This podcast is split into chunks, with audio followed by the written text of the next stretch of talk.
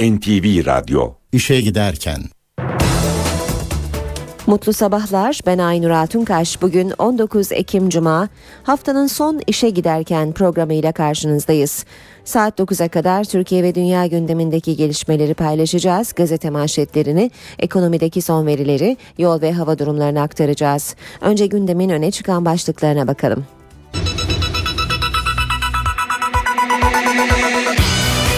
Erken yerel seçim için AK Parti CHP görüşmesinden kesin bir tarih çıkmadı.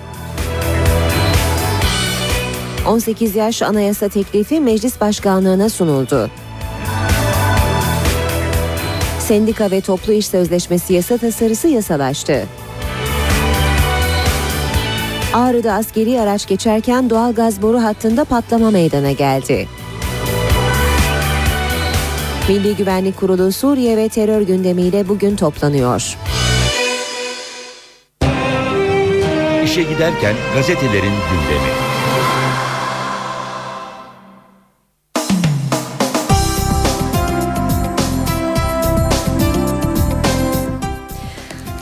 Hürriyetle basın özetlerine başlıyoruz. Kritik bir ay diyor Hürriyet manşette. Gül 9 Ekim'de görüştüğü Pervin Buldan, Ahmet Türk ve Sırrı Süreyya Önder'e Kürt sorunu için elinden geleni yapacağını söyledi. Terör sona ermeli, önümüzdeki bir ay çok önemli dedi. Gül'ün Kürt sorunuyla ilgili devreye yeniden girişi Mart'ta 2 yıllık cezası yargıtayca onanan BDP'li Kemal Aktaş'ın dokunulmazlığının kaldırılması girişimi sırasında 3 BDP'li vekilin randevu almasıyla başladı açıkladı. Toplam 3 görüşme oldu. Cumhurbaşkanı görüşmelerde bu ülkenin en önemli sorunu terördür. Bitmeden çözüme uygun zemin oluşturulamıyor. Her gün şehit haberlerinin geldiği bir ülkede sorunu Kürt sorunu diye görseniz de anlatmakta zorluk çekersiniz dedi. Milletvekilleri görüşmeleri sürece zarar gelmemesi için açıklamama kararı aldıklarını söyleyince Gül, siz öyle uygun görüyorsanız olur dedi. Görüşmelerden çıkan mesajın bir şekilde Kandil'e de ulaştırıldığı belirtiliyor. Hürriyetten yine bir başlık Beni de Fazıl Say, ünlü piyaniste destek sloganı. Dünyaca ünlü piyanist Fazıl Say, Twitter'daki bazı mesajlarında dini değerleri aşağıladığı iddiasıyla dün İstanbul'da hakim karşısına çıktı. 20 dakikalık duruşmada yazılı savunma veren Say, beni suçlayanlar özgür düşüncemi engellemeye çalışıyor dedi. Bu arada hem adliyede hem de sosyal medyada Beni de Fazıl Say başlığıyla sanatçıya büyük destek vardı. Milliyet gazetesiyle devam edelim. Seçim çıkmazı diyor Milliyet'te manşette. Yerel seçimlerin erkene çekilmesi teklifi taktik savaşları nedeniyle çıkmaza girdi. CHP'den umduğu desteği bulamayan AK Partililer İbre'yi yine MHP'ye çevirdi. 29 Mart 2014'teki yerel seçimlerin 27 Ekim 2013'te yapılmasına ilişkin anayasa değişikliğinin tekrar gündeme alınmasına ilişkin görüşme trafiği başladı. AK Parti ile CHP arasındaki dünkü görüşmede gündeme büyükşehir tasarısı geldi. CHP'liler tasarının birçok noktasına karşı olduklarını belirterek burada dayatma olursa seçim tarihinde uzlaşma olmaz dedi.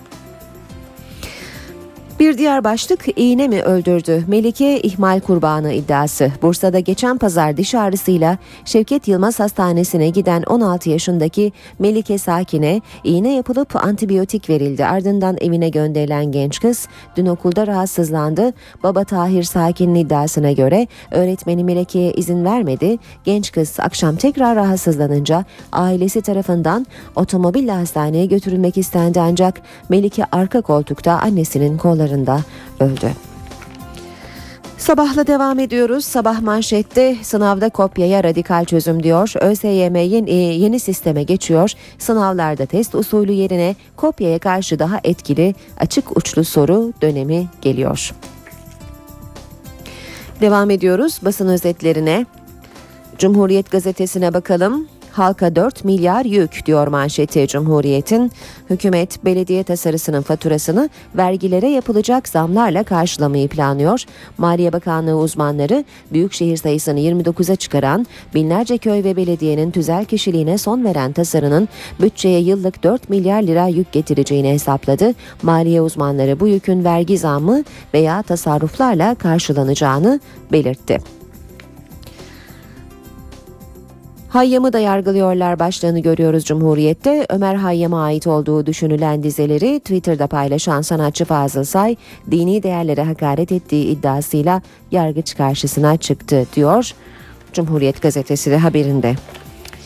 Radikale bakalım kritik eşikte ince diplomasi manşetini görüyoruz. Cezaevlerindeki açlık grevi kritik eşiğe gelirken BDP yoğun çaba içinde BDP heyeti köşke Öcalan'a tecrit kalkarsa grevler biter mesajını verdi. Gül çabalar karşılıksız kalmaz dedi. Üç talep tek düğüm. Sakığa göre grevcilerin talepleri Öcalan'a tecridin bitmesi, ana dilde savunma ve eğitim, savunma için hazırlık var, seçmeli Kürtçe başladı, kritik madde tecrit.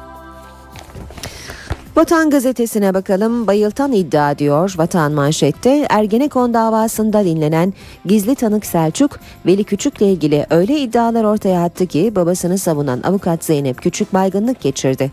Gizli tanık, emekli Tuğgeneral Veli Küçük'ün talimatıyla Başbakan Erdoğan'a 2004-2005 yıllarında suikast planı yapıldığını iddia etti.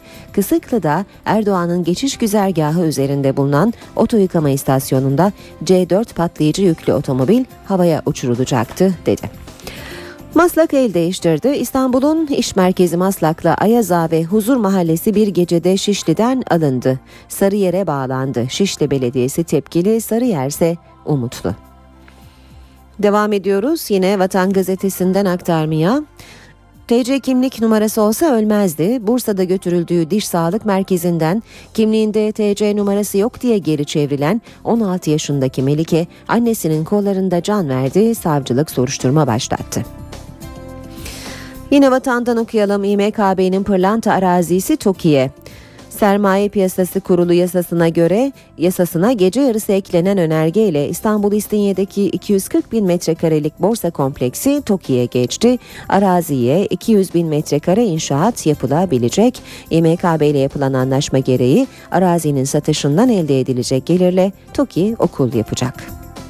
Bugünkü fiyatlarla 1 milyar dolara yakın gelir elde edilmesi bekleniyor. Habertürk'le devam ediyoruz. Erivan Avrupa Birliği'nden vizeyi kaptı. Ağzımızla kuş tutsak bize yok demiş Habertürk. Avrupa Birliği aday ülke Türkiye'ye vizeyi zorlaştırıyor ama Ermenistan'a büyük kolaylık getirecek bir anlaşma imzalandı deniyor. Habertürk'te manşetse Irak hacıların yolunu kesti.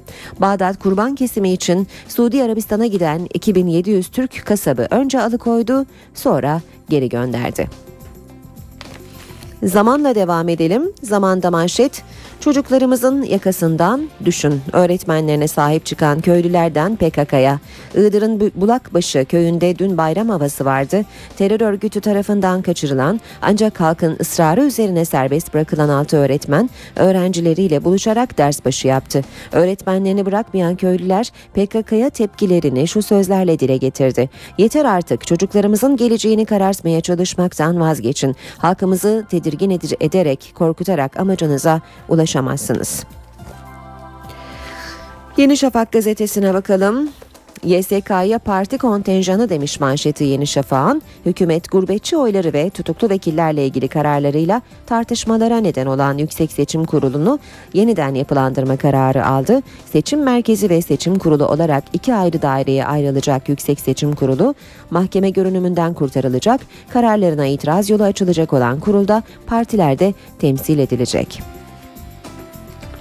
Son olarak da akşama bakalım. Van devlet, Van millet demiş akşam manşette. Bir yıl önceydi. Van 7,2 ile yıkıldı. Görüntü öyle tanıdıktı ki Türkiye o manzaraya kilitlendi.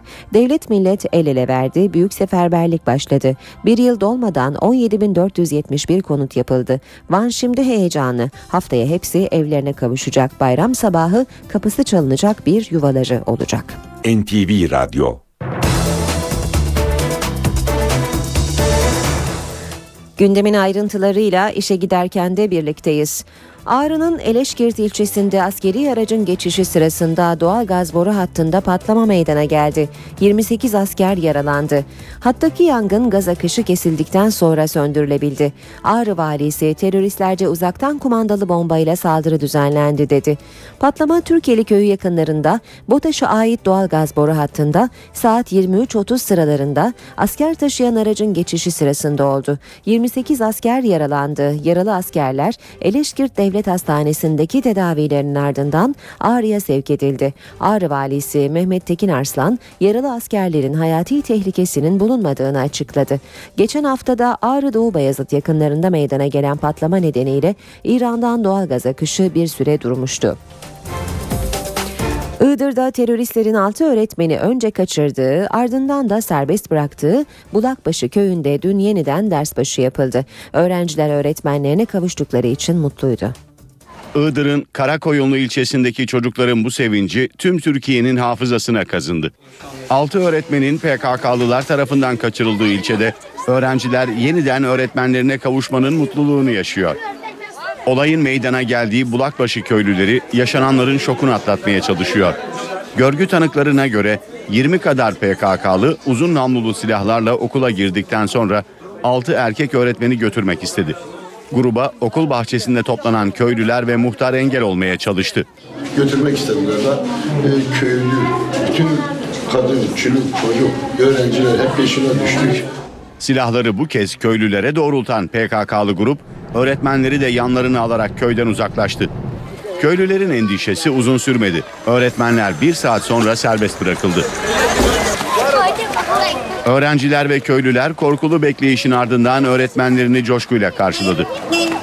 Okul yeniden açıldı. Kaçırılan öğretmenler de dahil 19 öğretmen ders başı yaptı. Öğrencilerse öğretmenlerine tekrar kavuştukları için mutluydu. Bugün derse başladınız mutlu musunuz? 3 BDP'li milletvekili 9 Ekim'de Cumhurbaşkanı Abdullah Gül'le sürpriz bir görüşme yaptı. Görüşme önce Kürt sorununun çözümü için yeni bir inisiyatif başlatıldığı şeklinde yorumlandı. Ancak BDP'li vekillerin PKK'lılarla kucaklaşan 8 milletvekilinin dokunulmazlığının kaldırılmaması için Cumhurbaşkanı'ndan yardım istediği öğrenildi. BDP'li vekiller aynı taleple AK Parti Grup Başkan Vekili Mahir Ünal'la da bir araya geldi. Bu meseleler kendi haline bırakılırsa hiç ummadığınız yollara gider, hiç çıkmaz sokaklara çık- gider. Cumhurbaşkanı Abdullah Gül'ün bahsettiği konu Kürt sorunu. Cumhurbaşkanı BDP'lilerle yeniden başlayan görüşme trafiğini değerlendirdi. Türkiye'nin en önemli konusu ifadesini kullandı. Olağanüstü yeni bir durum çıkartmak doğru değil ama şunu hatırlatmak isterim ki Türkiye'nin zaten en önemli konusu bu mevzulardır. Eğer Türkiye'nin en önemli konusunun, Türkiye'nin en önemli hayati meselesinin bu meseleler olduğunu görmezsek çok büyük yanlış yaparız. Çankaya Köşkü'nde 9 Ekim'de yapılan görüşmeye Pervin Buldan, Sarı Süreyya Önder ve bağımsız Mardin Milletvekili Ahmet Türk katıldı. BDP'liler dokunulmazlık için köşke gittiler ama görüşmede Kürt sorunu da masadaydı. İmralı'nın sürece dahil edilmesini isteyen BDP heyeti gerekirse İmralı ile kendilerinin de görüşebileceklerini söyledi.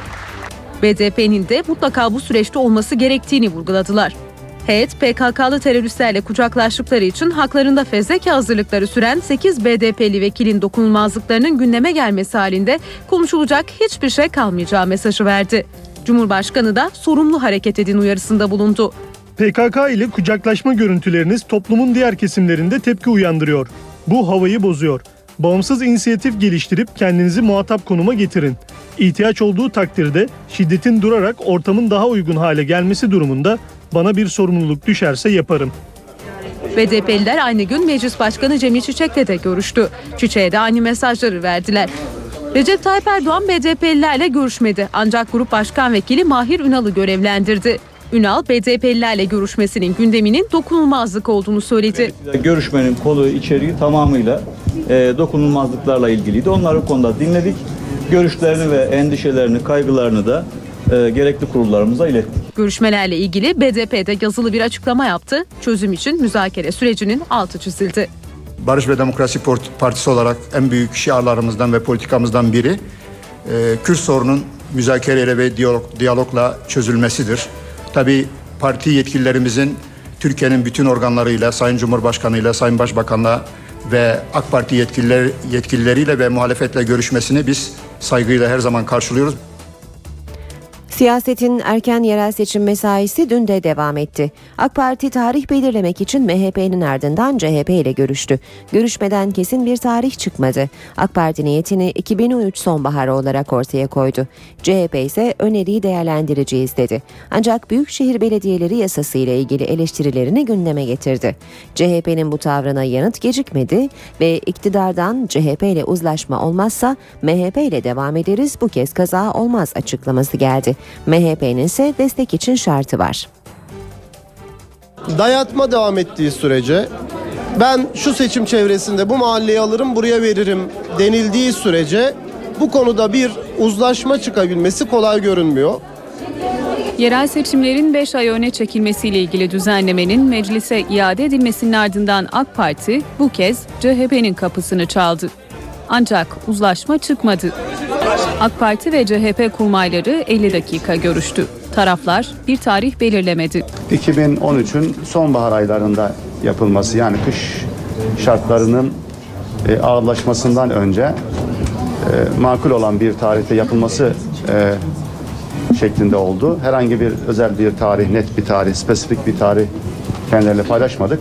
AK Parti erken yerel seçim için Kasım ayını işaret etti. CHP'dense AK Parti'ye eleştiri geldi. Şimdi AKP'nin tavrı şu. Diyor ki seçimin tarihini birlikte belirleyelim. Seçimin kuralını ben yalnız belirlerim diyor. O zaman bizim 3 Kasım e, tarihimizi dikkate almamışlardı. MHP ile anlaşmışlardı ve 27 Ekim demişlerdi ve henüz Büyükşehir yasası ortada yoktu. Bir de şimdi hem tarih hem kural değişikliği gündeme geldi. Şartlar değişti o günden bugüne. Ana Muhalefet Partisi Büyükşehir Belediyeleri yasası ile ilgili eleştirilerini tekrarladı. Size ihtiyacım olan yerde benle uzlaşın ama size ihtiyacım olmayan yerde görüşünüze ihtiyacım olmaz denilen bir düşünce galiba samimi bir uzlaşı arayış içerisinde olamaz. CHP'nin bu tavrına AK Parti yanıt verdi. Grup Başkan Vekili Canikli, Büyükşehir Belediyeleri yasasının ayrı değerlendirilmesi gerektiğini savundu. Her konuda uzlaşmaya varılmaz mesajını görüşmede de verdiklerini söyledi. Canikli, CHP ile uzlaşma sağlanamaması halinde izleyecekleri yolu değişikliği MHP ile çıkarırız. Bu kez kaza olmaz sözleriyle açıkladı. MHP kaynakları ise teklife üzerinde hiçbir değişiklik yapılmadan aynen getirildiği takdirde destek vermeye hazır olduklarını söyledi. AK Parti seçilme yaşını 25'ten 18'e indirerek askeri öğrenciler ve askerlere de seçme ve seçilme hakkı getiren anayasa değişiklik önerisini meclis başkanlığına sundu. Öneriye eklenen bir geçici maddeyle bu değişikliğin önümüzdeki yerel seçimlerde de kullanılmasının yolu açıldı. Hükümet 18 yaşındakilere seçilme hakkı tanıyan düzenleme konusunda ilk adımı attı. Seçilme yaşını 25'ten 18'e indirmeyi öngören anayasa değişiklik teklifi dün akşam saatlerinde meclis başkanlığına sunuldu. İlk imzayı Başbakan Erdoğan'ın attığı teklifte 258 milletvekilinin imzası bulunuyor. Teklif seçme ve seçilme yaşını düzenleyen anayasanın 67. maddesinde değişiklik yapıyor. Buna göre seçilme yaşı 18 olarak öngörülüyor. Teklifle milletvekili seçiminde aranan askerlik şartı da kaldırılacak. Milletvekili seçilme şartları arasında yer alan askerliğini yapmış olmak kuralı askerlikle ilişi bulunmamış olmak şeklinde değiştiriliyor. Teklifle kışlaya oy sandığı kurulmasının da önü açılacak. Düzenleme bu şekliyle yasalaşırsa er ve erbaşlarla askeri öğrenciler oy kullanabilecekler. Askeri öğrenciler er ve erbaşların oy kullanmasına ilişkin usul ve esasları Yüksek Seçim Kurulu belirleyecek. AK Parti'nin meclis başkanlığına sunduğu teklif anayasanın bazı maddelerini değiştirmeyi öngörüyor. Bu durum düzenlemenin genel kuruldan geçmesi için 367 oy alması gerekliliğini ortaya çıkarıyor. Teklif eğer mecliste 330-367 oy aralığında kabul edilirse bu sefer gündeme referandum olasılığı gelecek. Yaklaşık 600 bin işçiyi yakından ilgilendiren Sendikalar ve Toplu İş Sözleşmesi yasa tasarısı Meclis Genel Kurulu'nda kabul edilerek yasalaştı. Yasa ile birlikte 600 bin işçinin toplu iş sözleşmesi yapma engeli de ortadan kalkmış oldu. Tasarının tümünü oylarınıza sunuyorum. Kabul edenler, kabul etmeyenler tasarı kabul edilmiş ve kanunlaşmıştır. Meclis Genel Kurulu'nda sendikalar ve toplu iş sözleşmesi tasarısı kabul edilerek yasalaştı. Yaklaşık 600 bin işçinin 9 aydır süren toplu sözleşme belirsizliği de noktalandı. Yasa ile birlikte %10 olan iş kolu barajı muhalefetin itirazı üzerine %3'e düşürüldü. Böylece işçi sendikası kurulu bulunduğu iş kolunda çalışan işçilerin en az %3'ünün üyesi bulunması şartıyla toplu iş sözleşmesi yapabilecek. Ancak geçiş kademeli olarak yapılacak. İlk yıl baraj konmayacak ve 4 yılın sonunda baraj belirlenen düzeye gelecek. Toplu iş sözleşmesi yasası ile birlikte iş kolları yeniden belirleniyor. İş kolu sayısı da 28'den 20'ye düşürülüyor. İş sendikalarına üye olmak için 16 yaş olan sınır 15 yaşa indiriliyor. Sendikaya üye olmak serbest olacak. İşçi veya işverenler aynı iş kolunda ve aynı zamanda birden çok sendikaya üye olamayacak. Yasa Cumhurbaşkanı Gül tarafından onaylanıp resmi gazetede yayımlandıktan sonra yürürlüğe girecek. İşe giderken Bugün toplanacak Milli Güvenlik Kurulu öncesi Başbakan Erdoğan, Genelkurmay Başkanı Orgeneral Necdet Özel'le haftalık olağan görüşmesini yaptı. Toplantı tam iki buçuk saat sürdü. Gündemse Suriye, terörle mücadele, erlere oy kullanma hakkı ve Afyon şehitleriydi. Milli Güvenlik Kurulu toplantısı öncesi tam iki buçuk saat baş başa görüştüler. Dört önemli konu masadaydı. Suriye, terörle mücadele, erlere oy kullanma hakkı ve Afyon şehitleri. Orgeneral Özel geçen hafta 5 kişinin top mermisiyle hayatını kaybettiği Akçakale'de sınır birliklerini inceledi. Ardından Gölcük'te donanmayı denetledi. Genelkurmay Başkanı ordunun savaşa hazırlık durumunu gözden geçirdi. Edindiği izlenimleri de Başbakan Recep Tayyip Erdoğan'a aktardı. Sadece Suriye'ye yönelik önlemler değil, terörle mücadele de konuşuldu. Genelkurmay Başkanı Hakkari ve Diyarbakır kırsalında süren operasyonlara ilişkin son bilgileri de başbakanla paylaştı. Hem siyaseti hem de askeri ilgilendiren bir başka başlıkta er ve erbaşların oy kullanma haklarına ilişkin hazırlıktı. Görüşmedeki bir başka gündem maddesi de Afyonkarahisar şehitlerinin statüsü. Afyonkarahisar'daki mühimmat deposu patlamasında şehit olan 25 askerin doğal afet şehidi sayılarak ailelerinin haklarının sınırlanması ele alındı. Yenilenecek mevzuatın ana hatları değerlendirildi. Türk Silahlı Kuvvetleri sınır bölgesindeki tatbikatlarına devam ediyor. Son tatbikat Şanlıurfa'nın Suruç ilçesinde yapıldı. Tatbikatın yapıldığı bölgenin dikkat çeken yanı ise terör örgütünün Suriye'deki uzantısı PYD'nin kontrolünde olan Kobani'ye yakın olması. Türk tankları Şanlıurfa'da sınırın sıfır noktasında tatbikat yaptı. Tatbikatın adresi terör örgütünün Suriye'deki uzantısı PYD'nin elinde bulunan Kobani sınırı oldu. Suruç'taki Mürşit Pınar Askeri Birliği'nde bulunan tank ve zırhlı araçlar birlik içinde mevzilerden çıkarılarak sınırın sıfır noktasında konuşlandırıldı. Suriye tarafından da görülebilen tatbikatte tankların manevra kabiliyeti test edildi. Hakimtepe'ye temsili taarruz gerçekleştirildi.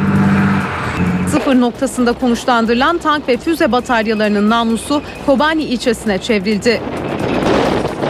Tatbikatı Şanlıurfa 20. Zırhlı Tugay Komutanı Tuğgeneral İhsan Başbozkurt'la çok sayıda üst düzey komutan izledi. Şanlıurfa'da Türkiye aleyhine konuşan bir Suriyeli sığınmacıyla diğer Suriyeliler arasında kavga çıktı. Kavgada bir kişi yaralandı. Olaya karışan dört kişi de gözaltına alındı. Olaya müdahale eden polis Suriyelilerin bölgeye izinsiz yerleştiğini fark edince çadırları toplattı. Ülkelerindeki olaylardan kaçarak Şanlıurfa'daki boş arazilere yerleşen Suriyeliler arasında kavga çıktı. Kavgada bir kişi yaralandı. Yenice mahallesinde meydana gelen olayda iddiaya göre sığınmacılardan biri Türkiye aleyhine konuştu. Diğer Suriyeliler kendisine tepki gösterince tartışma kısa sürede taşlı sopalı kavgaya dönüştü. Mahalle sakinlerinin ihbarıyla olay yerine gelen ekipler kavgaya karışan 4 kişiyi gözaltına aldı. Olayda yaralanan bir kadın da ambulansla hastaneye gönderildi. Suriyelilerin bölgeye izinsiz yerleştiğini fark eden polis ekipleri çadırları tek tek söktü. Araziye kurulan 30 çadır polis gözetimiyle toplandı. Bir süre çadırlarının sökülmemesi için direnen Suriyeliler daha sonra eşyalarını toplayıp bölgeden uzaklaştı. Az sonra spor haberlerine bakacağız. Kısa bir ara verelim önce. Ara vermeden de gündemin başlıklarını hatırlatalım.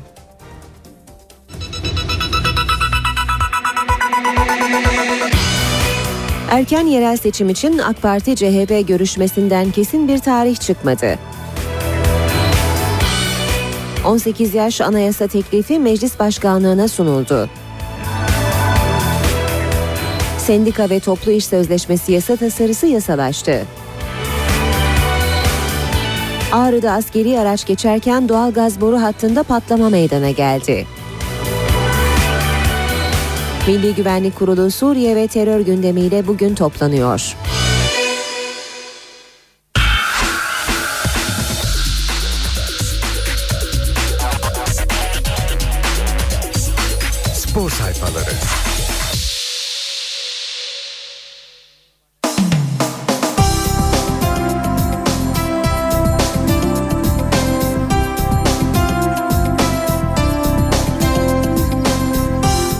Haberleriyle devam ediyoruz. Saat 7.36 Habertürk'le başlayalım. En büyük Fenerbahçe. Kızdığında kapıları tekmeleyen Portekizli'nin bağıra çağıra söylediği bu sözleri ağır tahrik olarak gören çalışanlar kendilerini zor tutmuş. Beşiktaş'ta kimilerine göre varlığı bir dert, kimilerine göre yokluğuysa yara olan Ricardo Quaresma son davranışlarıyla sabırları taşırdı. Ümraniye tesislerinde ayrı çalışan Portekizli futbolcunun soyunma odasının kapılarını, depo dolaplarını tekmeleyip defalarca en büyük Fenerbahçe diye bağırması hocaları ve görevlileri isyan noktasına getirdi getirdi.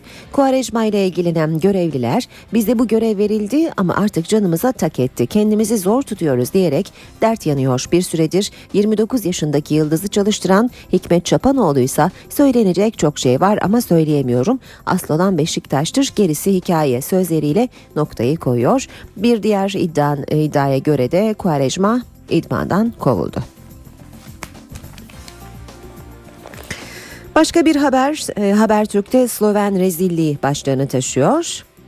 Türk Hava Yolları Euroleague'de bu akşam 21.45'te Union Olympia ile karşılaşacak olan Fenerbahçe Ülker, Slovenlerin gözünü korkuttu. Sarı lacivertlileri yıpratmak için her türlü yolu deneyen Sloven polisi şaka gibi bahaneler üreterek Fenerbahçe'nin yıldız oyuncusu Roman Sato'yu gözaltına aldı.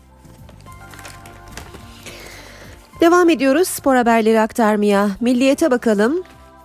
Naldo sürprizi Fenerbahçe Teknik Direktörü Aykut Kocaman'ın savunmasında yaşanan sıkıntının önüne geçebilmek için devre arasında bu bölgeye transfer yapma kararı aldı. Sarı lacivertli kulübün bu doğrultuda Wolfsburg'un 30 yaşındaki Brezilyalı stoperiyle görüşmelere başladığı öğrenildi.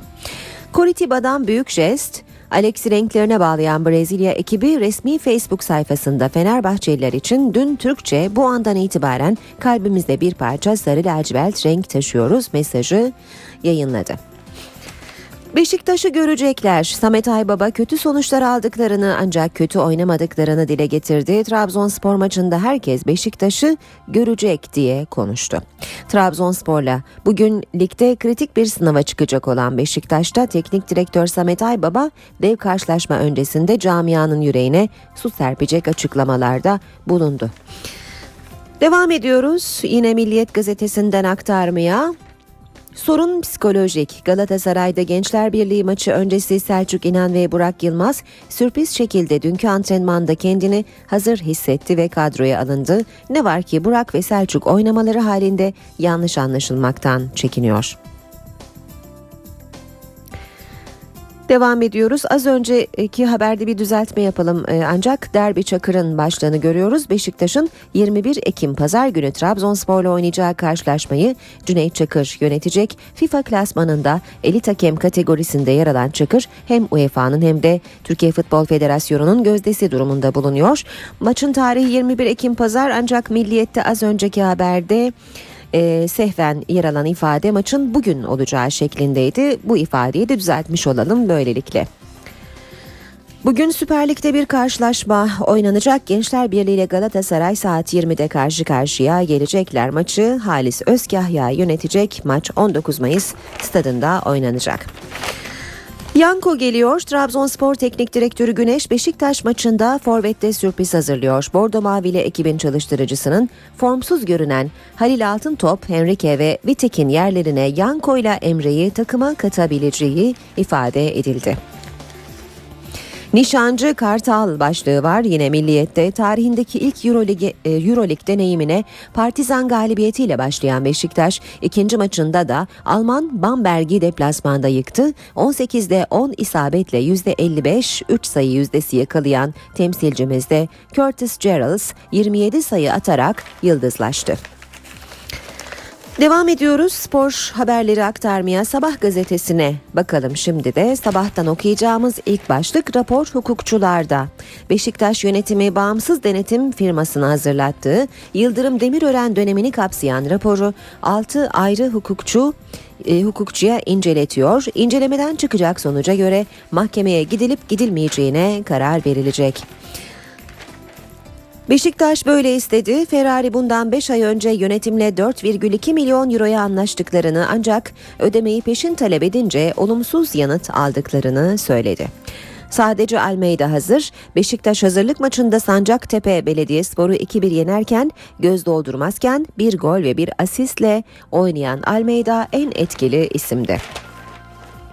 Bir diğer başlık Koritiba'ya 3. Fenerli eski Fenerli David'in kulübü Koritiba'ya imza atan Alex'in ardından Semih de askerlik sebebiyle aynı kulübün yolunu tutmaya hazırlanıyor.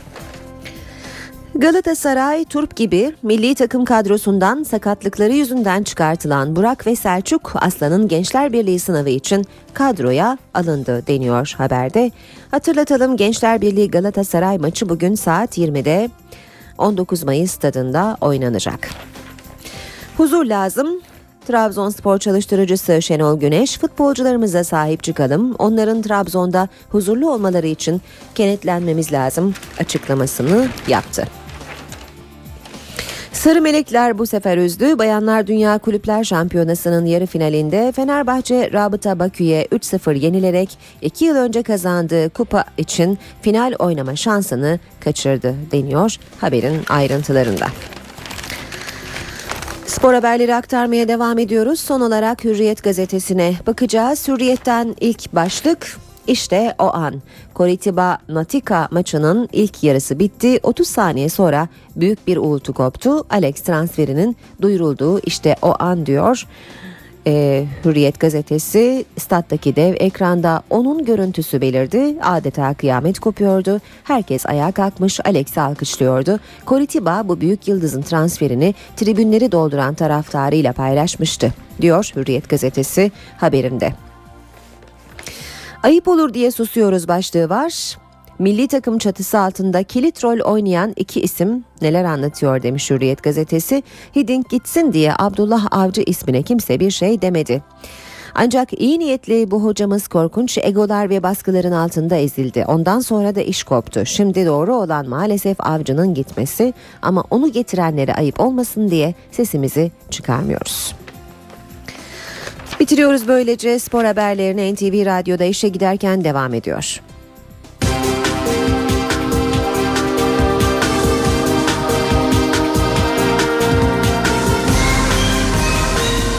İşe giderken. İstanbul trafiğindeki son duruma bakalım şimdi. Fatih Sultan Mehmet Köprüsü'nde Anadolu Avrupa geçişinde yoğunluk Ataşehir'den itibaren etkili ve bu yoğunluk Çavuşbaşı'nı geçinceye kadar da devam ediyor. Ancak bir kaza e, aktaralım kaza haberi.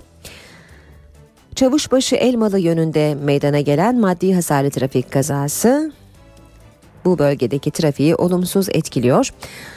Fatih Sultan Mehmet Köprüsü Avrupa e, geçişinde Kavacık'ta başlayan bir yoğunluk var ayrıca ve köprüyü geçince yerini rahat bir trafiğe bırakıyor. Kavacık'a kadar rahat ilerliyor Çavuşbaşı'ndan itibaren. Ters yönde ise Etiler katılımıyla başlayan yoğunluk Kavacık'a kadar etkisini sürdürüyor. Boğaziçi Köprüsü'nde Anadolu Avrupa geçişinde yoğunluk Çamlıca'da başlıyor. Köprü üzerinde yerini rahat bir trafiğe bırakıyor. Ters yönde Mecidiyeköy'de başlayan bir yoğunluk var ve köprü çıkışında trafik rahatlıyor. Anadolu yakası E5 karayolunda Gülsuyu kavşağında bir e, yoğunluk var ve bu yoğunluk Maltepe kavşağından itibaren başlıyor. Bir diğer yoğunluk köprü yönünde Koz Yatağı'nda bir e, yoğunluk görüyoruz. Köprü katılımı itibarıyla bu yoğunluk devam ediyor. Ayrıca Göztepe Kavşağı Uzunçayır arasında da yine trafik yoğun seyrediyor. D100 Karayolu'nda Çoban Çeşme Şirin Evler Merter arasında trafik yoğun ilerliyor. Avcılar Küçükçekmece arasında da çift yönlü bir trafik var. Tem otoyolunda Mahmut Bey Mahmut Bey yönünde Metris'ten itibaren yoğun bir trafik olduğunu gözlüyoruz. Gazi Osman Paşa, Kemerburgaz ayrımı da yine yoğun seyreden bölgeler arasında. O üçe bakalım atış alanı, hal ve Bayrampaşa yönünde bu sabah da trafiğin yoğun olduğunu görüyoruz. Ayrıca Nurtepe bağlantı yolunda Ok Meydanı yönünde trafik oldukça yoğun seyrediyor.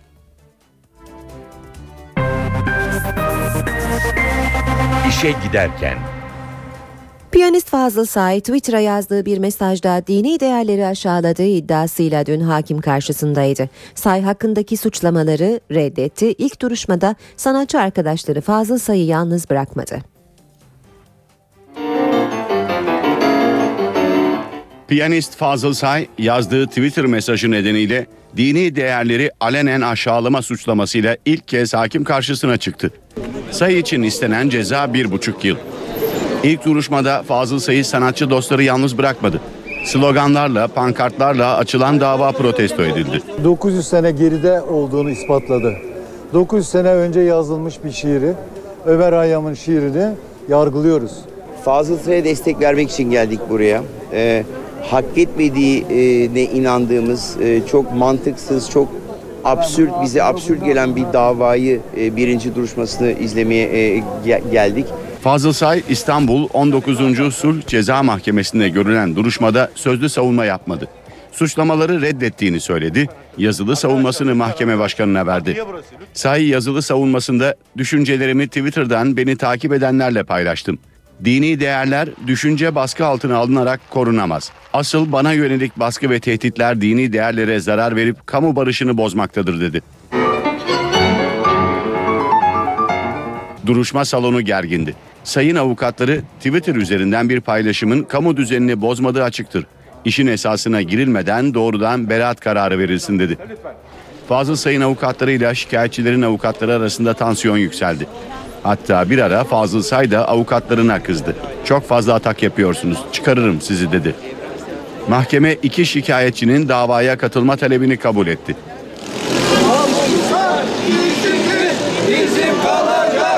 Duruşma delillerin toplanması için 18 Şubat 2013'e ertelendi. Hakim ve Savcılar Yüksek Kurulu önemli bir seçim hazırlığında HSYK Yargıtay'da boşalan 16 koltuk için 5125 hakim ve savcı arasından seçim yapacak. Bu göreve aday olanlar arasında Şemdinli soruşturmasında Yaşar Büyükanıt hakkında iddianame hazırlayınca meslekten ihraç edilen savcı Ferhat Sarıkaya başta olmak üzere çok sayıda dikkat çeken isim var. Bir dönem görevden el çektirildiler, hatta meslekten men edildiler ama şimdi hepsi Yargıtay üyeliklerine aday. Ferhat Sarıkaya, Van 100. Yıl Üniversitesi soruşturmasıyla Türkiye'nin gündemine geldi. Ardından Şemdinli'de Umut Kitabevi'nin bombalanması olayıyla ilgili hazırladığı iddianamede dönemin Genelkurmay Başkanı Yaşar Büyükanıt'a yer verdi. Meslekten ihraç edildi. Anayasa değişikliği sonrasında Ankara Cumhuriyet Savcısı olarak görevine döndü. Nadi Türkaslan, Mehmet Tamöz, Abdülvahap Yaren. Deniz Feneri soruşturmasını yürütürken görevden el çektirildiler. Zekeriya Öz, yürüttüğü Ergenekon soruşturmalarının ardından İstanbul Cumhuriyet Başsavcı Vekilliği görevine atandı. Saadettin Sarıkaya, KCK soruşturması kapsamında 5 MİT görevlisini ifadeye çağırdı. Soruşturmayı yürütürken görevi değişti. Osman Şanal, CHP milletvekili İlhan Cihaner'in de tutuklanıp serbest bırakıldığı Erzincan'daki Ergenekon soruşturmasını yürüttü. Ömer Diken, İstanbul 10. Ağır Ceza Mahkemesi Başkanı olarak balyoz soruşturmasını yürüttü. Kamuoyunun yakından takip ettiği davalarla tanınan bu isimlerin ortak özelliği ise Yargıtay'da boşalan 16 koltuğa aday olmaları. Hakimler ve Savcılar Yüksek Kurulu, Yargıtay'a üye olmak için başvuran hakim ve savcıların isim listesini açıkladı. HSYK, Yargıtay'da boşalan 16 üyelik için birinci sınıfa ayrıldıktan sonra en az 3 yıl süreyle görev yapmış 5125 hakim ve savcıdan başvuru yapmalarını istemişti. Meclis Darbe Komisyonu 28 Şubat'ın tanıklarını dinlemeye dün de devam etti. Komisyonun konukları akademisyenler ve gazeteci Uğur Dündar'dı. Dönemin akademisyenleri 28 Şubat'ta mağdur olduklarını anlatırken Uğur Dündar kimsenin telkini ve baskısıyla habercilik yapmadığını söyledi. Meclis Darbe Komisyonu 28 Şubat Alt Komisyonu dönemin tanıklarından 3 akademisyenle bir gazeteciyi dinledi. Profesör Doktor Doğu Ergil üniversiteler ve basının darbe sürecine alet olduğunu söyledi. Sadece 28 Şubat sürecinde değil e, hemen hemen bütün darbelerde e, sadece e, askerlerin birinci derecedeki rolü yok. O, o rolü destekleyecek başka toplumsal gruplar var. Anayasa Hukuku Profesörü Mustafa Erdoğan da 28 Şubat döneminde Cumhurbaşkanı Süleyman Demirel ve YÖK Başkanı Kemal Gürüz'ün kendisi hakkında suç duyurusunda bulunduklarını hatırlattı. Üniversite, medya ve yargı desteği olmasaydı 28 Şubat başarılı olamazdı dedi.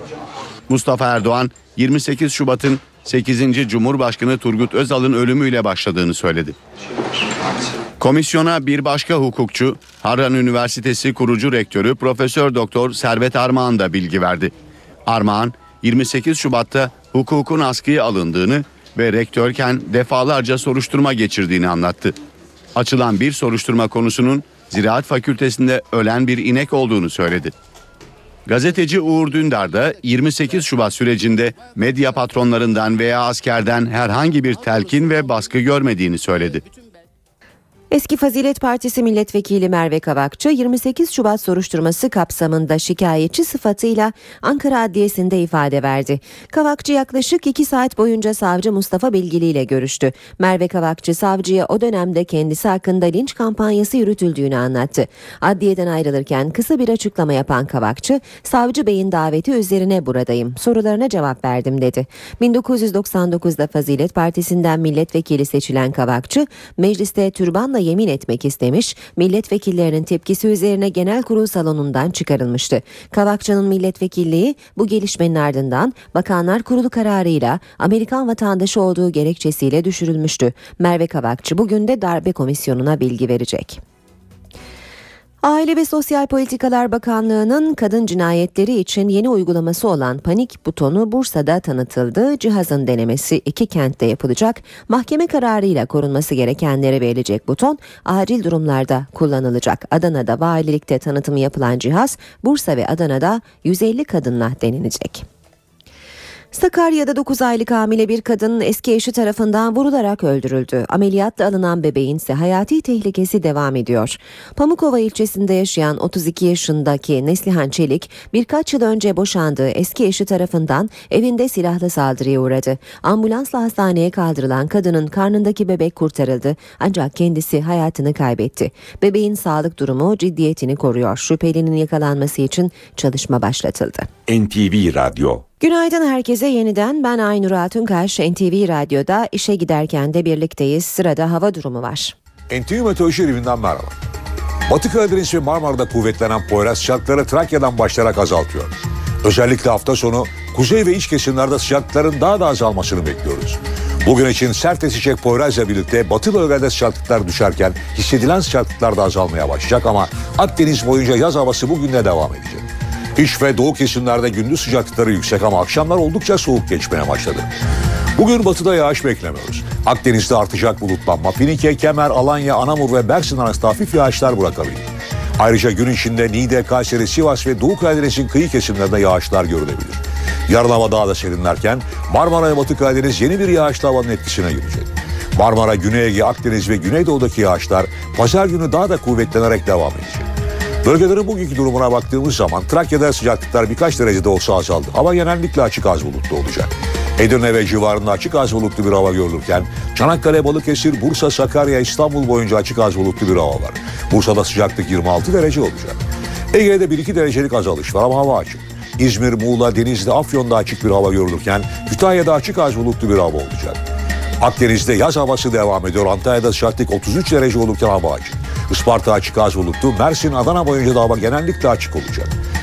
Ankara'da hava açık. Eskişehir, Konya, Niğde, Kayseri, Sivas boyunca da gün içinde hava açık ama güneyde biraz bulutlanma artabilir. Zonguldak Bolu arasında parçalı bulutlu bir hava görülürken gün içinde yine Samsun'da yağış bekliyoruz. Trabzon Artvin arasında kıyı kesimlerinde hafif de olsa yağış görülecek. Malatya parçalı bulutlu, Erzurum Kars arasında parçalı, Van Hakkari arasında yine parçalı bulutlu bir hava var. Gaziantep, Adıyaman, Diyarbakır, Şanlıurfa, Mardin'de açık bir hava görülürken Gaziantep'te sıcaklık 27, Diyarbakır'da ise sıcaklık 28 derece olacak.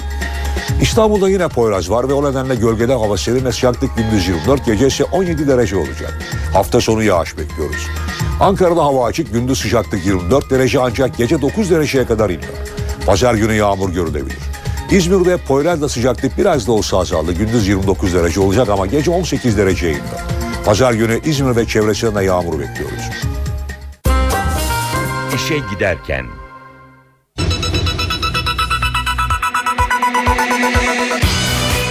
Erken yerel seçim için AK Parti CHP görüşmesinden kesin bir tarih çıkmadı. 18 yaş anayasa teklifi meclis başkanlığına sunuldu. Sendika ve toplu iş sözleşmesi yasa tasarısı yasalaştı. Ağrı'da askeri araç geçerken doğal gaz boru hattında patlama meydana geldi. Milli Güvenlik Kurulu Suriye ve terör gündemiyle bugün toplanıyor. İşe giderken gazetelerin gündemi.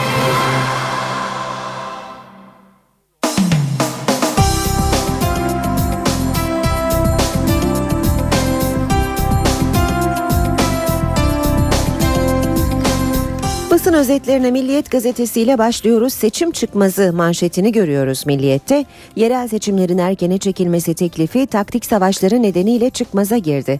CHP'den umduğu desteği bulamayan AK Partililer İbre'yi yine MHP'ye çevirdi.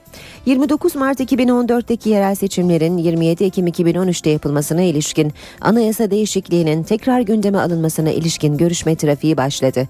AK Parti ile CHP arasındaki dünkü görüşmede gündeme büyükşehir tasarısı geldi. CHP'liler tasarının birçok noktasına karşı olduklarını belirterek burada dayatma olursa seçim tarihinde uzlaşma olmaz dedi.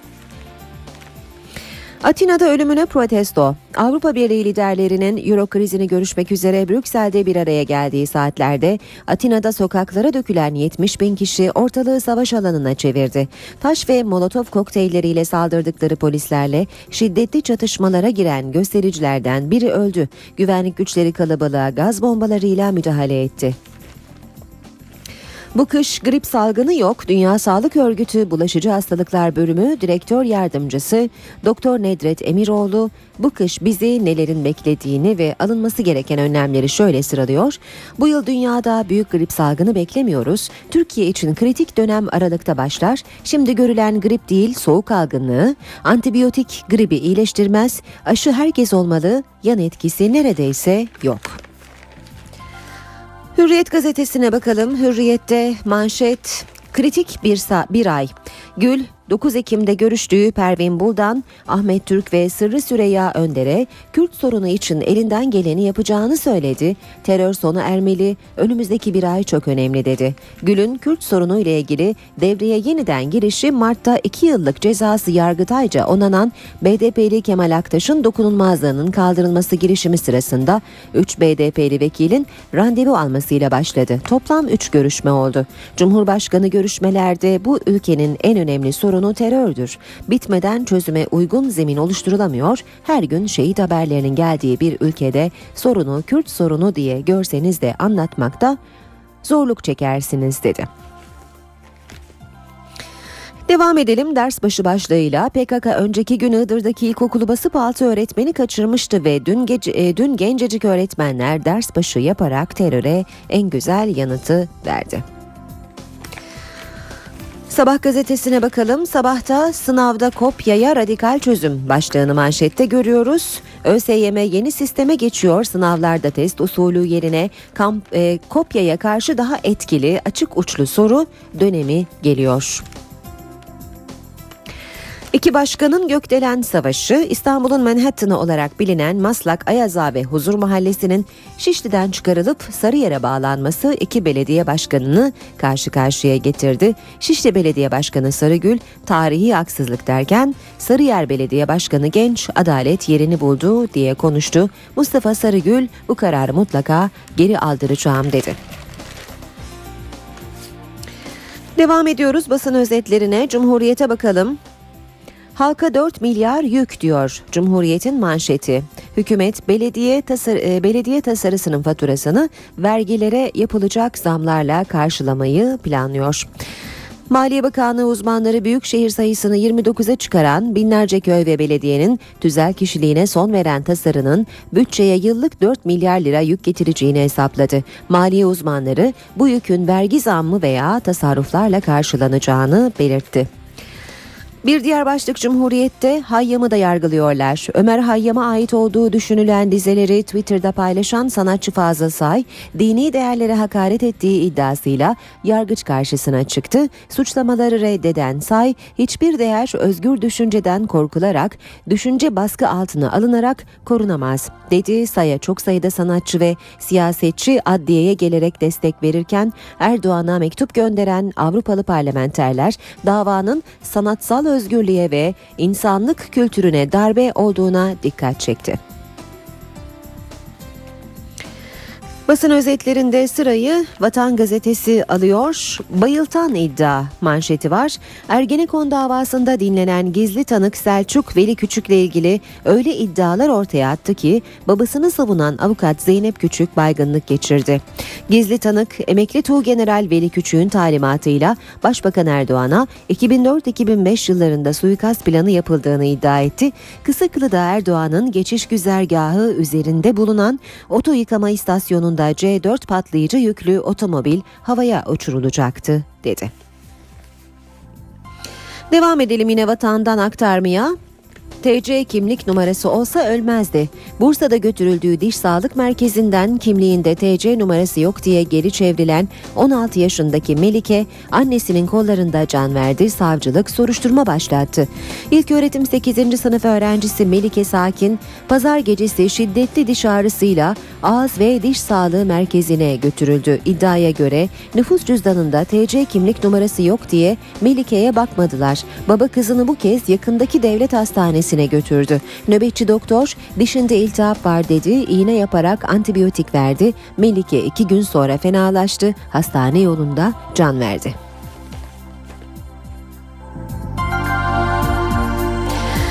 Devam edelim basın özetlerine. Akşama bakalım. Van devlet, Van millet manşeti var akşamda. Bir yıl önceydi. Van 7,2 ile yıkıldı. Görüntü öyle tanıdıktı ki Türkiye o manzaraya kilitlendi. Devlet millet el ele verdi. Büyük seferberlik başladı. Bir yıl dolmadan 17.471 konut yapıldı. Van şimdi heyecanlı. Haftaya hepsi evlerine kavuşacak. Bayram sabahı kapısı çalınacak bir yuvaları olacak. Akşam gazetesinden aktardık. Sırada Yeni Şafak var. Yüksek Seçim Kurulu'na parti kontenjanı diyor Yeni Şafak. Hükümet gurbetçi oyları ve tutuklu vekillerle ilgili kararlarıyla tartışmalara neden olan Yüksek Seçim Kurulu'nu yeniden yapılandırma kararı aldı. Seçim merkezi ve seçim kurulu olarak iki ayrı daireye ayrılacak Yüksek Seçim Kurulu mahkeme görünümünden kurtarılacak. Kararlarına itiraz yolu açılacak kurulda partiler de temsil edilecek. Zaman gazetesinde manşet çocuklarımızın yakasından düşün, öğretmenlerine sahip çıkan köylülerden PKK'ya çağrı diyor. Zaman, Iğdır'ın Bulakbaşı köyünde dün bayram havası vardı. Terör örgütü tarafından kaçırılan ancak halkın ısrarı üzerine serbest bırakılan 6 öğretmen öğrencileriyle buluşarak ders başı yaptı. Öğretmenlerini bırakmayan köylüler PKK'ya tepkilerini şu sözlerle dile getirdi. Yeter artık çocuklarımızın geleceğini karartmaya çalışmaktan vazgeçin. Halkımızı tedirgin ederek korkutarak amacınıza ulaşamazsınız. Radikal'de manşet kritik eşikte ince diplomasi. Cezaevlerindeki açlık grevi kritik eşiğe gelirken BDP yoğun çaba içinde. BDP heyeti köşke Öcalan'a tecrit kalkarsa grevler biter mesajını verdi. Gül çabalar karşılıksız kalmaz dedi. Sırrı Sak'a göre 3 talep tek düğüm. Sakık grevcilerin taleplerini şöyle açıklamış. Öcalan'a tecridin bitmesi, ana dilde savunma ve eğitim. Savunma için hazırlık var. Seçmeli Kürtçe başladı. Kritik madde ise tecrit diyor Radikal. Ve son olarak da Haber Türkiye bakacağız. Irak hacıların yolunu kesti. 2700 kasap döndü. Bağdat kurban kesimi için Suudi Arabistan'a giden 2700 Türk kasabı önce alıkoydu sonra geri gönderdi.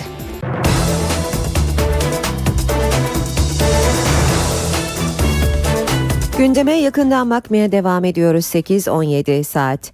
Siyasetin erken yerel seçim mesaisi dün de devam etti. AK Parti tarih belirlemek için MHP'nin ardından CHP ile görüştü. Görüşmeden kesin bir tarih çıkmadı. AK Parti niyetini 2013 sonbaharı olarak ortaya koydu. CHP ise öneriyi değerlendireceğiz dedi. Ancak Büyükşehir Belediyeleri yasasıyla ilgili eleştirilerini gündeme getirdi. CHP'nin bu tavrına yanıt gecikmedi ve iktidardan CHP ile uzlaşma olmazsa MHP ile devam ederiz. Bu kez kaza olmaz açıklaması geldi. MHP'nin ise destek için şartı var.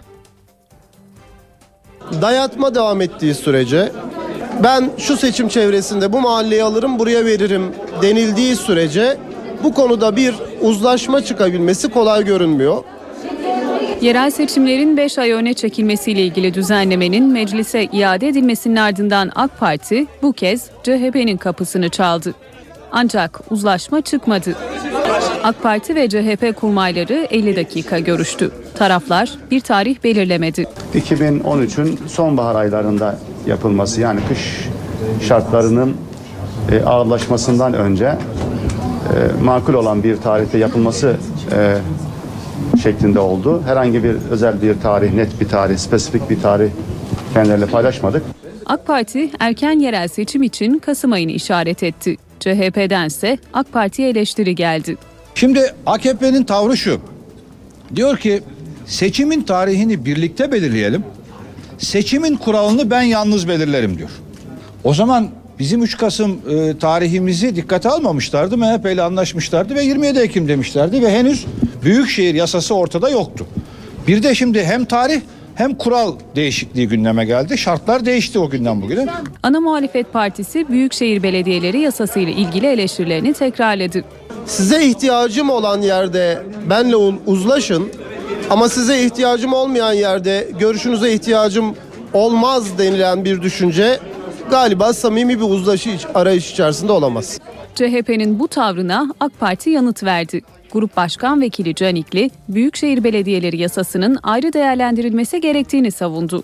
Her konuda uzlaşmaya varılmaz mesajını görüşmede de verdiklerini söyledi. Canikli, CHP ile uzlaşma sağlanamaması halinde izleyecekleri yolu değişikliği MHP ile çıkarırız. Bu kez kaza olmaz sözleriyle açıkladı. MHP kaynakları ise teklife üzerinde hiçbir değişiklik yapılmadan aynen getirildiği takdirde destek vermeye hazır olduklarını söyledi. AK Parti seçilme yaşını 25'ten 18'e indirerek askeri öğrenciler ve askerlere de seçme ve seçilme hakkı getiren anayasa değişiklik önerisini meclis başkanlığına sundu. Öneriye eklenen bir geçici maddeyle bu değişikliğin önümüzdeki yerel seçimlerde de kullanılmasının yolu açıldı. Hükümet 18 yaşındakilere seçilme hakkı tanıyan düzenleme konusunda ilk adımı attı. Seçilme yaşını 25'ten 18'e indirmeyi öngören anayasa değişiklik teklifi dün akşam saatlerinde meclis başkanlığına sunuldu. İlk imzayı Başbakan Erdoğan'ın attığı teklifte 258 milletvekilinin imzası bulunuyor. Teklif seçme ve seçilme yaşını düzenleyen anayasanın 67. maddesinde değişiklik yapıyor. Buna göre seçilme yaşı 18 olarak öngörülüyor. Teklifle milletvekili seçiminde aranan askerlik şartı da kaldırılacak. Milletvekili seçilme şartları arasında yer alan askerliğini yapmış olmak kuralı askerlikle ilişi bulunmamış olmak şeklinde değiştiriliyor. Teklifle kışlaya oy sandığı kurulmasının da önü açılacak. Düzenleme bu şekliyle yasalaşırsa er ve erbaşlarla askeri öğrenciler oy kullanabilecekler. Askeri öğrenciler er ve erbaşların oy kullanmasına ilişkin usul ve esasları Yüksek Seçim Kurulu belirleyecek. AK Parti'nin meclis başkanlığına sunduğu teklif anayasanın bazı maddelerini değiştirmeyi öngörüyor.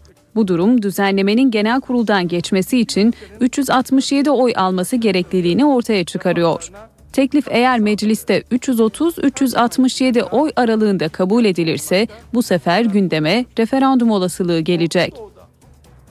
Yaklaşık 600 bin işçiyi yakından ilgilendiren Sendikalar ve Toplu İş Sözleşmesi yasa tasarısı Meclis Genel Kurulu'nda kabul edilerek yasalaştı. Yasa ile birlikte 600 bin işçinin toplu iş sözleşmesi yapma engeli de ortadan kalkmış oldu. Tasarının tümünü oylarınıza sunuyorum. Kabul edenler, kabul etmeyenler tasarı kabul edilmiş ve kanunlaşmıştır. Meclis Genel Kurulu'nda sendikalar ve toplu iş sözleşmesi tasarısı kabul edilerek yasalaştı. Yaklaşık 600 bin işçinin 9 aydır süren toplu sözleşme belirsizliği de noktalandı. Yasa birlikte %10 olan iş kolu barajı muhalefetin itirazı üzerine %3'e düşürüldü. Böylece işçi sendikası kurulu bulunduğu iş kolunda çalışan işçilerin en az %3'ünün üyesi bulunması şartıyla toplu iş sözleşmesi yapabilecek. Ancak geçiş kademeli olarak yapılacak. İlk yıl baraj konmayacak ve 4 yılın sonunda baraj belirlenen düzeye gelecek. Toplu iş sözleşmesi yasası ile birlikte iş kolları yeniden belirleniyor. İş kolu sayısı da 28'den 20'ye düşürülüyor. İş sendikalarına üye olmak için 16 yaş olan sınır 15 yaşa indiriliyor. Sendikaya üye olmak serbest olacak. İşçi veya işverenler aynı iş kolunda ve aynı zamanda birden çok sendikaya üye olamayacak. Yasa Cumhurbaşkanı Gül tarafından onaylanıp resmi gazetede yayımlandıktan sonra yürürlüğe girecek. Bugün toplanacak Milli Güvenlik Kurulu öncesi Başbakan Tayyip Erdoğan, Genelkurmay Başkanı Orgeneral Necdet Özel'le haftalık olağan görüşmesini yaptı. Toplantı tam iki buçuk saat sürdü. Gündemse Suriye, terörle mücadele, erlere oy kullanma hakkı ve Afyon şehitleriydi. Milli Güvenlik Kurulu toplantısı öncesi tam iki buçuk saat baş başa görüştüler. Dört önemli konu masadaydı. Suriye, terörle mücadele, erlere oy kullanma hakkı ve Afyon şehitleri. Orgeneral Özel geçen hafta 5 kişinin top mermisiyle hayatını kaybettiği Akçakale'de sınır birliklerini inceledi. Ardından Gölcük'te donanmayı denetledi. Genelkurmay Başkanı ordunun savaşa hazırlık durumunu gözden geçirdi. Edindiği izlenimleri de Başbakan Recep Tayyip Erdoğan'a aktardı. Sadece Suriye'ye yönelik önlemler değil, terörle mücadelede konuşuldu. Genelkurmay Başkanı Hakkari ve Diyarbakır kırsalında süren operasyonlara ilişkin son bilgileri de Başbakan'la paylaştı. Hem siyaseti hem de askeri ilgilendiren bir başka başlıkta er ve erbaşların oy kullanma haklarına ilişkin hazırlıktı. Görüşmedeki bir başka gündem maddesi de Afyonkarahisar şehitlerinin statüsü. Afyonkarahisar'daki mühimmat deposu patlamasında şehit olan 25 askerin doğal afet şehidi sayılarak ailelerinin haklarının sınırlanması ele alındı. Yenilenecek mevzuatın ana hatları değerlendirildi.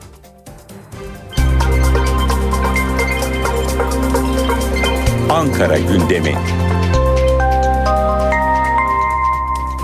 Başkent gündemiyle devam ediyoruz. Ayrıntılar NTV muhabiri Özden Erkuş'ta.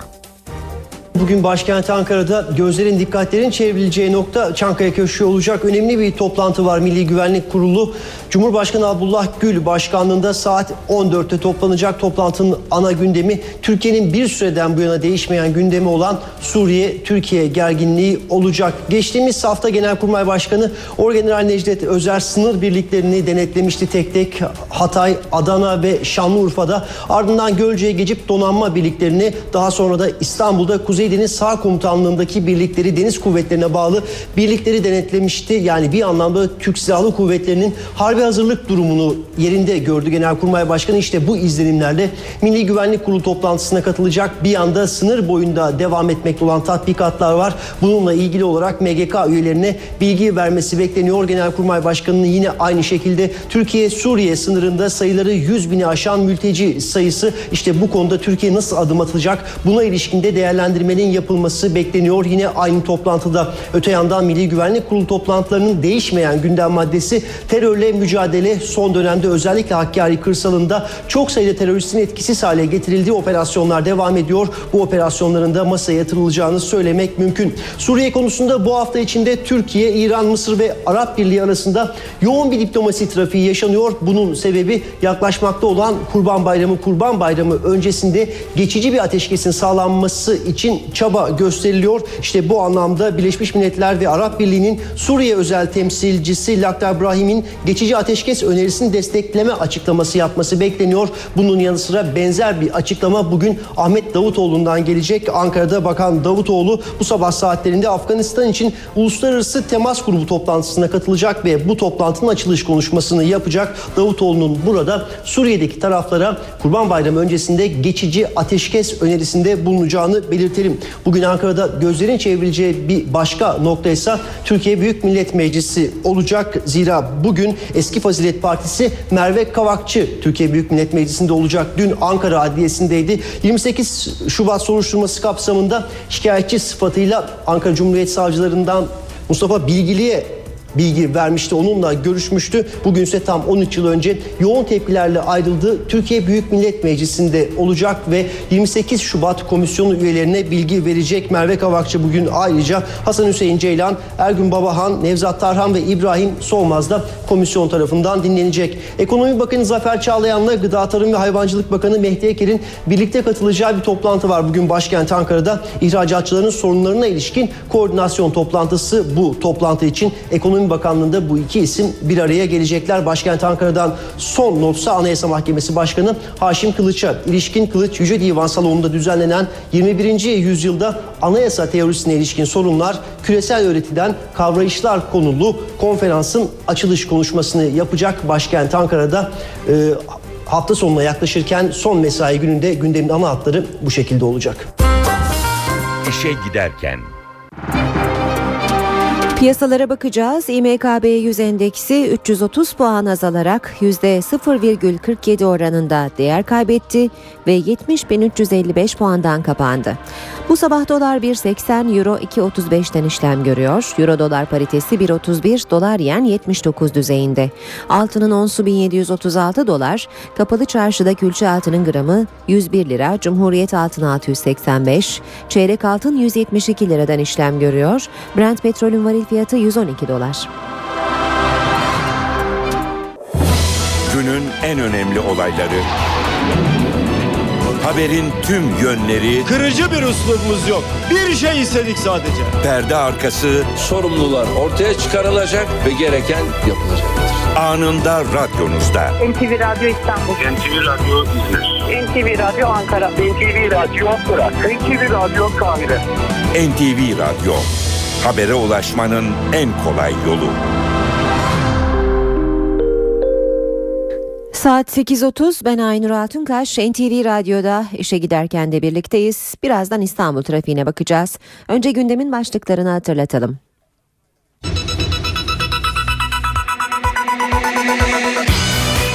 Erken yerel seçim için AK Parti CHP görüşmesinden kesin bir tarih çıkmadı.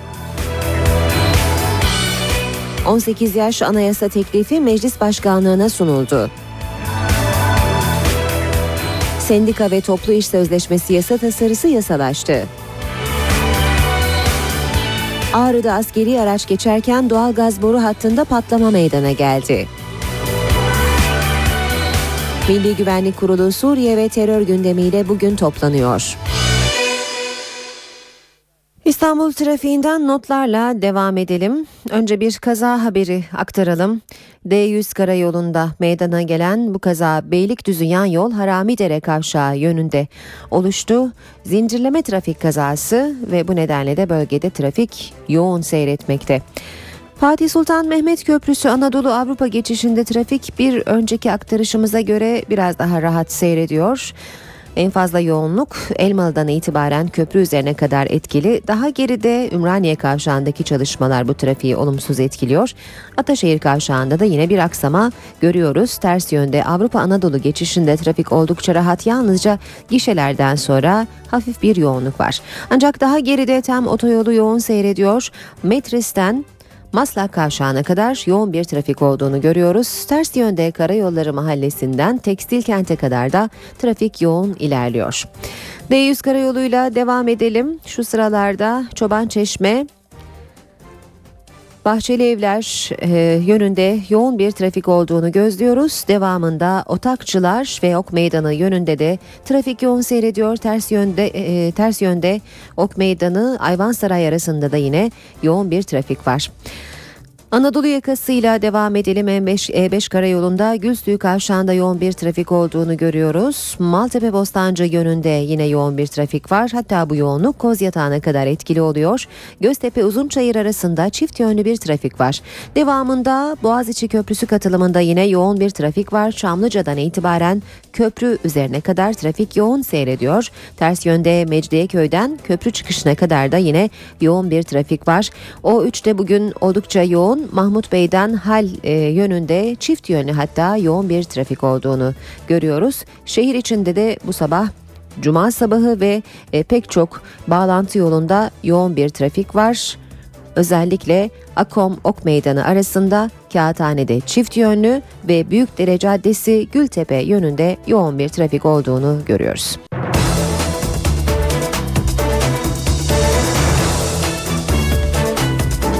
...8.39 saat NTV Radyo'da işe giderken devam ediyor. Gündeme yakından bakalım. Aile ve Sosyal Politikalar Bakanlığı'nın kadın cinayetleri için yeni uygulaması olan panik butonu Bursa'da tanıtıldı. Cihazın denemesi iki kentte yapılacak. Mahkeme kararıyla korunması gerekenlere verilecek buton acil durumlarda kullanılacak. Kadına şiddete karşı panik butonunun pilot uygulaması başladı. İlk tanıtım Bursa'da yapıldı. Başlatılan pilot uygulamanın Bursa İlhan ülkemize hayırlı olmasını dileriz. 155'te çalışan arkadaşımız gerekli müdahale yapacak durumdayız diyor. Aile ve Sosyal Politikalar Bakanı Fatma Şahin yeni sistemi anlattı. Bu yeni sistemlerimiz bugün yaşanan birçok sorunu çözecek ve kağıt üzerinde kalan ailenin korunması, kadına yönelik şiddetle şiddet gören herkesin istifade ettiği bir güçlü mekanizmayı hayata geçirmek. Kadına şiddete polis yerine panik butonuyla müdahale edilecek. Yerli bir üretim olan panik butonu 155 hattıyla entegre olacak. Butona basıldığında ekipler harekete geçecek. Bilgi ve teknoloji çağında yaşarken her vakanın başına bir polis dikmeye gerek kalmadığını, bunun bu sistemle takip edilebileceğini ve yapılan çalışmalarla da bunun başarılabildiğini gördük. Adana'da valilikte tanıtımı yapılan cihaz Bursa ve Adana'da 150 kadınla denenecek. Türkiye obeziteyle mücadeleye devam ediyor. Örnek hastalardan biri Ersin Eken, tam 73 yaşında ama fazla kilolarından kurtulmayı göze aldı ve ameliyat masasına yattı. 143 kilo ile girdiği ameliyatın üzerinden 5 ay geçti ve 27 kilo verdi. Ama ona bu kiloda yetmiyor. Hedef 83. Uburluk hastalığı yani bir gıdaya karşı bir bağımlılık oluyor. 73 yaşındaki Ersin Eken obeziteyi böyle tanımlıyor. O robotik tüp mide yöntemiyle obeziteden kurtulan en yaşlı hastalardan biri. Daha az yiyerek, diyet yaparak zayıflamak için evet birkaç kilo aldım verdim fakat e, devamlı bir kilo verme şansına sahip başaramadım ben. Kararından vazgeçmedi ve ameliyat masasına yattı. Robotik yöntem kullanılan ameliyatta tüp mide takılarak midesi küçültüldü. Bu ameliyatta uyguladığımız teknik midenin küçültülmesi. Herhangi bir yabancı madde, kelepçe vesaire gibi işlem değil. Mide boyutlarını küçülttüğümüzde bir e, muz gibi düşünün. Bir muza benzetiyoruz sonundaki son hali. E, daha küçük bir volüme geliyor. Bu yaklaşık olarak 100-150 mililitre bir küçük su bardağı ölçüsüne geldiği zaman o kadar volümle karnı doymaya başlıyor hastanın. Ersin Eken 143 kiloyla çıktığı yolda şimdi 115 kilo. Şimdiden obezite nedeniyle yaşadığı sağlık sorunlarından kurtulmaya başladı. Tansiyon yükselmeleri başladı. Bundan takribi 5-5,5 sene evvel tip 2 diyabet başladı. Arkasından belirli check-up'larda karaciğer yağlanmaları ve e, ürik asit artışları oldu. Bu hepsinin ben bunların ilaçlarını kullandım. Fakat bu ameliyatlardan sonra çoğunu bıraktım. Ersin Eken'in hedefi daha zayıf ve sağlıklı olmak. Çok iyi hissediyorum ve daha genç hissediyorum. Bayağı genç hissediyorum. Şu anda kaç kilosunuz? Şu anda 116 kiloyum. Hedef kilonuz nedir? 2 sene içinde 84 kilo.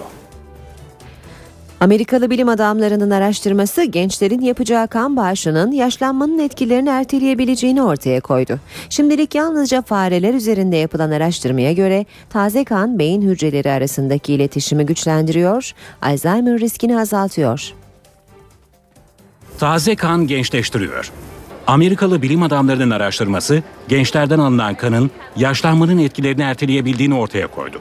Stanford Üniversitesi'nde yapılan araştırmada genç farelerden alınan kanın yaşlı farelerde hafızayı kuvvetlendirdiği belirlendi. Buna göre taze kan, beyin hücreleri arasındaki bağlantıyı %20 oranında kuvvetlendirerek Alzheimer gibi hastalıklara yakalanma ihtimalini geciktiriyor. Hatta beyinde bilgi aktarımını sağlayan yeni sinir hücrelerinin oluşmasını da sağlayabiliyor. Daha önce yapılan bir araştırmada da yaşlılardan alınan kanın gençlerin hücrelerini yaşlandırdığı ortaya çıkmıştı. Kandaki iltihap oranının yaşlandıkça arttığına dikkat çekiliyor. Uzmanlar ileride orta yaştakilerin genç bağışçılardan kan nakilleri sayesinde beyinlerini sağlıklı tutabileceklerine dikkat çekiyor. Ve programımızın sonunda bizden bir haber verelim. Türk Eczacıları Birliği'nce düzenlenen 2012 TEP basın ödülleri sahiplerini buldu. Görsel, işitsel, yazılı ve internet dalında ödüllerin verildiği gecede NTV Radyo Halkın Sesi programıyla en iyi radyo programı ödülünü aldı. NTV ayrıca en iyi televizyon haberi ve Türk Eczacıları Birliği Merkez Heyeti ödülüne de layık görüldü.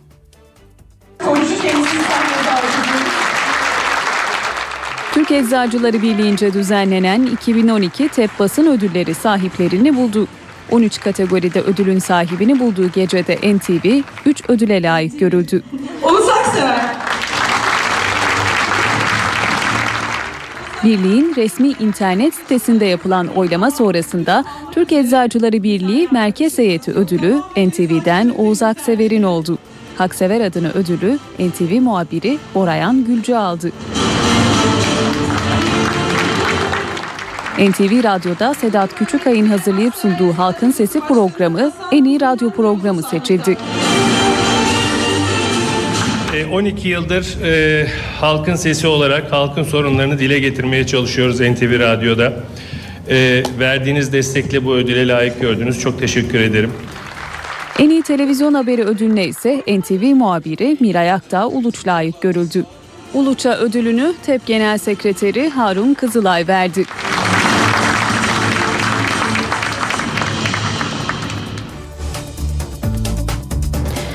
Veda etmeden önce gündemin başlıklarına bir kez daha bakalım. Milli Güvenlik Kurulu Cumhurbaşkanı Abdullah Gül başkanlığında bugün toplanacak. Gündemde Suriye ve terör olayları olacak. Bugün ayrıca Avrupa Birliği zirvesinden Türkiye ile ilgili bir gelişme öne çıkıyor.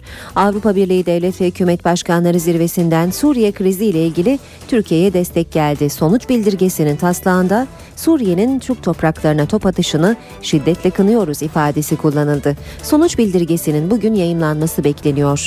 Ayrıca gündemden düşmeyen bir konu seçilme yaşının 18'e indirilmesi. AK Parti konuyla ilgili anayasa değişiklik önerisini meclis başkanlığına sundu. Erken yerel seçimle ilgili kısa bir hatırlatmada yapalım. AK Parti dün CHP ile konuyu görüştü ancak görüşmeden kesin bir tarih çıkmadı. AK Parti 2013 sonbaharını işaret etti. CHP ise teklifi değerlendirelim yanıtını verdi. İşe giderkenden bugünlükte bu kadar. Ben Aynur Altunkaş. Saat başında gelişmelerle yeniden buluşmak üzere. Hoşçakalın. NTV Radyo